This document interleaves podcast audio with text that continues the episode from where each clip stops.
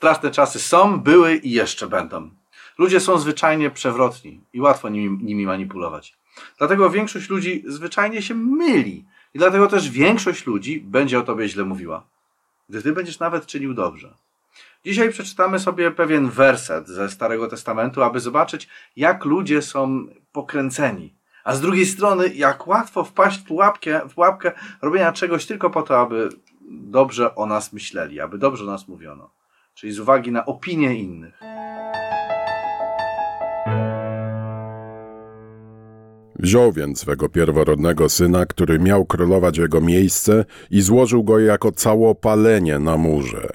Wtedy powstało wielkie oburzenie przeciw Izraelowi. Oni więc odstąpili od niego i wrócili do swej ziemi. W tym wersecie jest mowa o królu Moabu. Cała ta sytuacja miała miejsce podczas oblężenia Moabitów przez Izraela. Izrael oblegał Moabitów.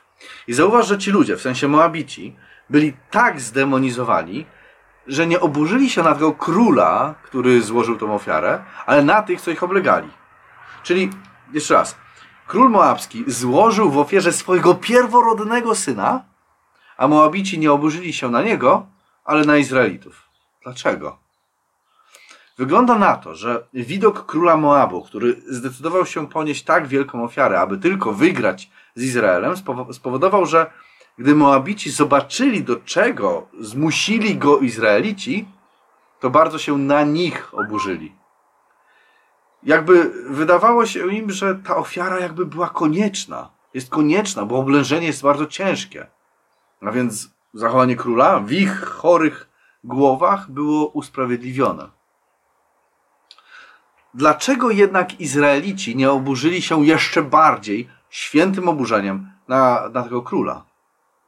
Myślę, że dlatego, że ich motywy były złe.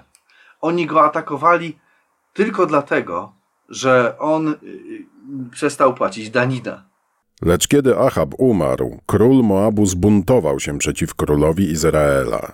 Elizeusz z kolei przepowiedział im, że wygrają tę wojnę. Ich grzeszne postępowanie jednak zaciemniło szlachet, szlachetne pobudki serca. I gdy doszło do takiej sytuacji, o której czytaliśmy, to zamiast wyplenić takie zachowanie i zabić tego króla, odstąpili od niego.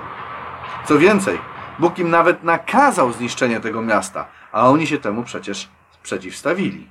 Ale to jeszcze mało w oczach Pana. Wyda także Moabitów wasze ręce.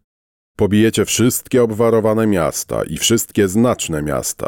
Zetniecie wszystkie dobre drzewa, zasypiecie wszystkie źródła wód i spustoszycie każde dobre pole kamieniami. Może gdy zobaczyli, że ci ludzie oburzyli się na nich, to pomyśleli, że nie będą dostawać już daniny z Moabu, jeśli nie odstąpią teraz. Może wierzyli, że Kemosz, któremu król Moabu ofiarował swego syna, nie jest nicością, a ma jakąś moc. Z tego jednak wersetu wynika, że odstąpili od króla Moabu z uwagi na oburzenie tamtych ludzi na nich. Innymi słowy, innymi słowy, wygląda na to, że pokierowali się tym, co myślą inni, mimo iż ci inni nie mieli w ogóle racji. To jest zawsze zły pomysł, aby kierować się tym, co myślą inni. Nigdy nie idź tą drogą. Dla nas chrześcijan ważne jest jedynie, co myśli Bóg na temat naszych czynów. I tylko Jego zdanie powinno mieć nasze, e, dla nas znaczenie. Dlatego nie ustawajmy czynić dobrze, niezależnie od tego, co nas pomyślą. Subskrybuj, daj łapkę w górę, śledź nas na Odyssey, Beatshoot, Telegramie i Facebooku. Cześć!